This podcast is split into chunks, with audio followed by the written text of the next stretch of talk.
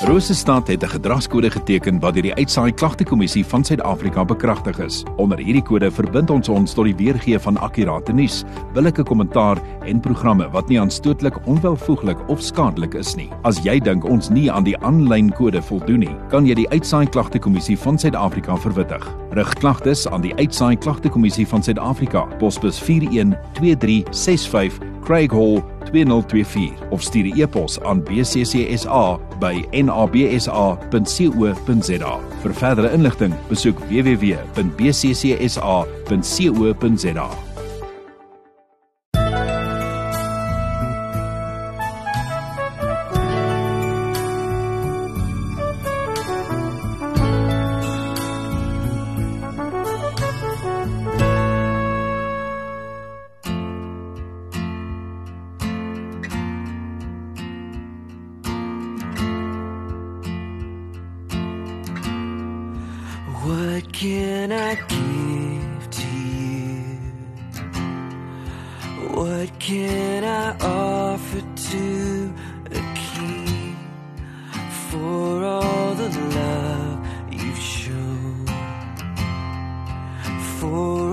your mercy. Over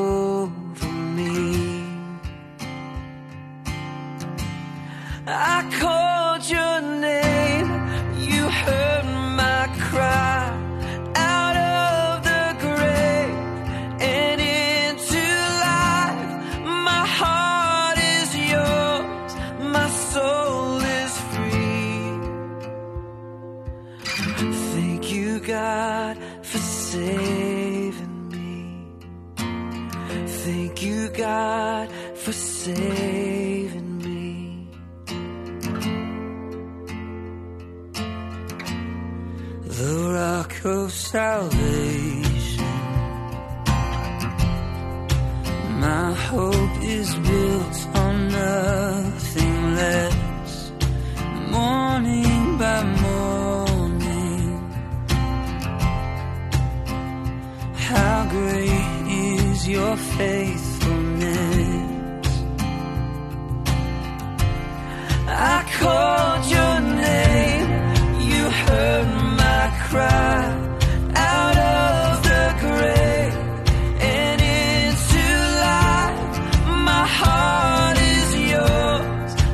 Soul is free. Thank you, God, for saving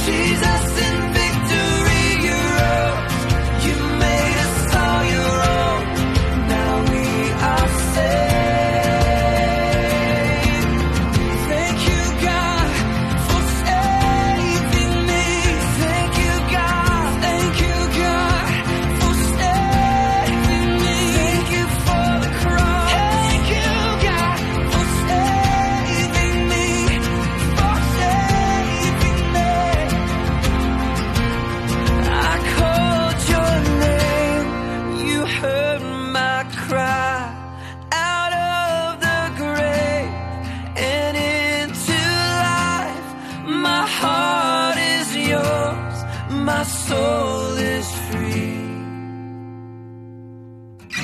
Thank you, God, for saving me. Thank you, God. Thank you, God, for saving me. Thank you, God. Thank you, God, for saving me. Goeiemôre geliefde in Here Jesus Christus. Ons teksgedeelte van môre is Matteus 22 verse 34 tot 40. Dis Matteus 22 vers 34 tot 40 en ons tema wat jy saai, sal jy maai. Maar voordat ons lees, kom ons bid saam. Ons Heer, ons koning Jesus Christus. Here baie dankie dat U 'n God van verhouding is. Dankie dat U ons roep tot verhouding met U. Dankie ook dat U 'n God van openbaring is, van bekendmaking is. Dankie vir al die maniere wat U met ons praat en kommunikeer, maar in besonder baie dankie vir die Heilige Skrifte. Dankie dat ons die skrif kan lees, kan oordink en onder leiding van die Heilige Gees ons lewens ook inrig onder die heerskappy van U woord en U Gees. Ja Here seën ons asseblief ook nou Lei ons deur die Heilige Gees. Werk met elkeen van ons in Jesus Christus se naam. Amen. Matteus 22 vanaf vers 34. En toe die Fariseërs hoor dat hy die Sadduseërs die mond gestop het, het hulle almal saam vergader. En een van hulle, 'n wetgeleerde, het 'n vraag gestel om hom te versoek en gesê: "Meester, Wat is die groot gebod in die wet? En Jesus antwoord hom: Jy moet die Here jou God lief hê met jou hele hart, met jou hele siel en met jou hele verstand. Dit is die eerste en groot gebod. En die tweede wat hiermee gelyk staan: Jy moet jou naaste lief hê soos jouself. Aan hierdie twee gebooie hang die hele wet en die profete tot sover. Geliefde in die Here, almal van ons ken die grootste wet of grootste gebod natuurlik ook en uh, ons besef die die goddelike beginsel van van die liefde. Die liefde is die grootste, die allesomvattende wet. Die wet wat alle ander wette saamvat. Liefde, die grootste gawe, 1 Korintiërs 13. Die gawe met 'n ewigheidswaarde. Die liefde vergaan nie. Is deel van die volgende lewe. Ander gawes sal verdwyn, maar die liefde sal bly. 'n Liefde vir God en vir ander mense. 'n Liefde waarvan God die bron is, soos Romeine 5 vers 5 getuig. God stort sy liefde in ons harte wat weer 'n liefde vir hom en vir ander wakker maak. Hoe meer ons groei in die liefde vir God, hoe meer groei ons in die liefde vir ander. Nou wanneer ons hierdie deel lees dan sien ons ook hierdie woorde om ander lief te hê soos jouself. En ons gaan 'n bietjie dieper gaan in hierdie deel van die liefdesgebod. Maar wat beteken dit om ander lief te hê soos jouself? Aan die een kant impliseer dit dat alle mense op 'n manier lief is vir hulle self. Lief is vir hulle lewe. 'n oorlewingsmeganisme het. Dis algemeen daarom waar. Maar ons weet as gevolg van jou wêreld en jou sondige natuur en die bose se verleiding, eh, kan dit plaasvind of gebeur dat mense nie hulle self liefhet nie. Dis waar dinge so selfmoord en magoïsme en selfmutilasie en hierdie tipe van dinge ook na vore kom. En weer eens vra ons in liefde kry professionele hulp ook vir hierdie sake. Maar in die algemeen het jy jouself lief. En daardie selfliefde is wat jy aan ander moet betoon. Eerder aan ander as aan jouself. Anders gestel doen aan ander wat jy aan jouself gedoen wil hê. As jy nie daarvan hou om seer gemaak te word nie, moenie iemand anders seer maak nie. En dit geld vir alles. As jy nie daarvan hou om beskinder te word nie, moenie ander beskinder nie.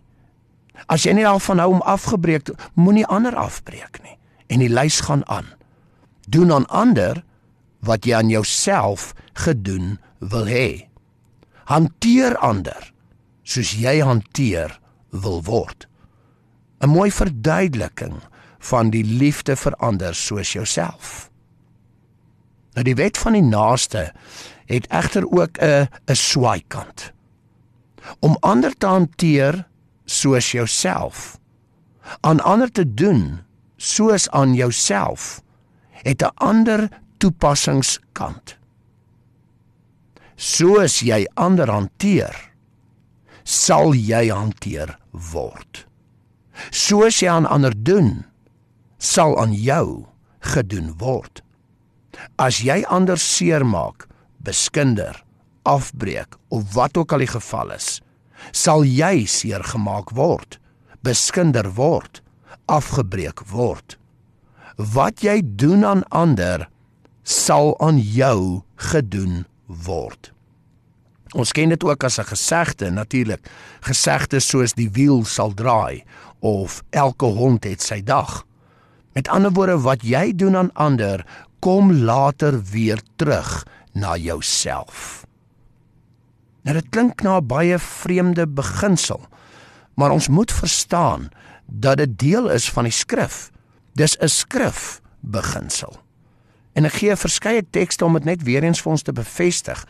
Ons het onder andere Matteus 7 verse 1 tot 2 en Lukas 6 vers 37 tot 38 wat duidelik vir ons sê met dieselfde oordeel wat jy ander oordeel, sal jy geoordeel word. Dit wys baie duidelik hierdie beginsel. Soos jy aan ander doen, sal aan jou gedoen word. Een van die bekende tekste is ook Galasiërs 6 verse 6 tot 10 met die woorde wat jy saai, sal jy maai. 2 Korintiërs 9 vers 6, Spreuke 22 vers 8, Job 4 vers 8 en verskeie ander tekste wat dit ook vir ons beklemtoon. Wat jy gee of wat jy doen, gaan jy self weer ontvang of aangedoen word. Ons het nog 'n teks soos Openbaring 13 verse 10 ook wat ook hierdie beginsel bevestig met die woorde dat hulle wat met die swaard doodmaak, sal met die swaard doodgemaak word. Hulle wat ander in gevangenskap plaas, sal self in gevangenskap geplaas word. So weer eens hierdie selfde beginsel. Dis skriftuurlik en dis deel van die beginsel van die liefde.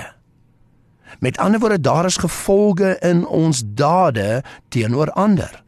Daar's gevolge vir ander maar daar's ook gevolge vir onsself. Dis 'n waarskuwing vir ons. Aan die een kant is liefde as gawe van God 'n opdrag vir ons om ander lief te hê soos jouself, om aan ander te doen soos jy aan jouself gedoen wil hê. Maar aan die ander kant is hier ook 'n waarskuwing, 'n aansporing. Soos jy doen aan ander, sal aan jou gedoen word. Dis 'n goddelike natuurwet, 'n vaste skrifbeginsel. Soos die soos die liefdeswet is met 'n ewigheidswaarde. Ja. In Jesus Christus word ons vrygemaak van verkeerde dade teenoor ander. Prys die Here daarvoor. En om in opregtheid en dankbaarheid deur Jesus Christus te streef na die goeie vrugte. Maar die algemene beginsel bly steeds waar. Prakties beteken dit alles. Toets jou dade aan die liefde. Voor jy iets doen of sê, dink aan die goddelike wet van liefde. En hier binne lê drie vlakke vir morele besluitneming. Drie geestelike vlakke. Die eerste vlak van morele besluitneming, die hoogste, die belangrikste vlak, is die liefde vir God. Dit wat jy doen, hoe voel God daaroor? Is jy gehoorsaam? Betoon jy liefde aan hom? En die tweede vlak van morele besluitneming is dan die liefde vir ander om ander lief te hê soos jouself, aan hulle te doen soos jy aan jouself gedoen wil hê. Wat is die gevolg van jou daad vir ander? En die laaste vlak van besluitneming is soos jouself. 'n Liefde vir jouself. As die eerste twee opsies jou nie oortuig nie, besef dat jou dade ook gevolge het vir jouself. Wat jy saai, sal jy maai. Of die goeie deur die Heilige Gees of die slegte deur die sondige vlees. Amen. Kom ons bid saam. Ons Heer, ons koning Jesus Christus. Here baie dankie dat ons vandag weer kon kyk na die die grootste wet, grootste gebod, die liefde, die liefde vir U en deur U ook 'n liefde vir die naaste, vir vir ander mense. Maar dankie dat ons in besonder kan verstaan wat die skrif vir ons leer om om ander lief te hê soos soos onsself. Dat ons kan besef dat dat ons aan ander moet doen wat ons aan onsself gedoen wil hê. Help ons Here dat dat dit ons regtig sal lei in besluitneming ook in dade teenoor ander. Dat ons dadelik vir onsself sal afvra maar dit wat ek nou doen aan 'n ander persoon, sal ek daarvan hou as dit aan my gedoen word? Maar dankie Here dat ons ook die die ander kant van hierdie gebod kan bestudeer. Die beginsel dat wat jy saai, sal jy maai. Wat ons aan ander doen, gaan ook aan ons gedoen word. Ons sien dit in skrif, ons sien dit in baie bevestiging. En daarom bid ons ook Here help ons. Help ons in ons liefdeswerke teenoor U en en ook teenoor ander Here. Help ons in ons morele besluitnemings wat ons moet maak dat ons dit altyd sal toets aan die liefde vir U en ook aan die liefde vir ander. En laastens om regtig te besef dat wat ons doen het gevolge nie net vir ander nie, maar ook vir onsself. Wat jy saai, sal jy maai. Seën ons in hierdie wysheid, Here, en help ons ook so in ons woorde en in ons dade teenoor ander mense. Ons bid dit ook so in die naam van ons Heer, ons koning, Jesus Christus. Amen.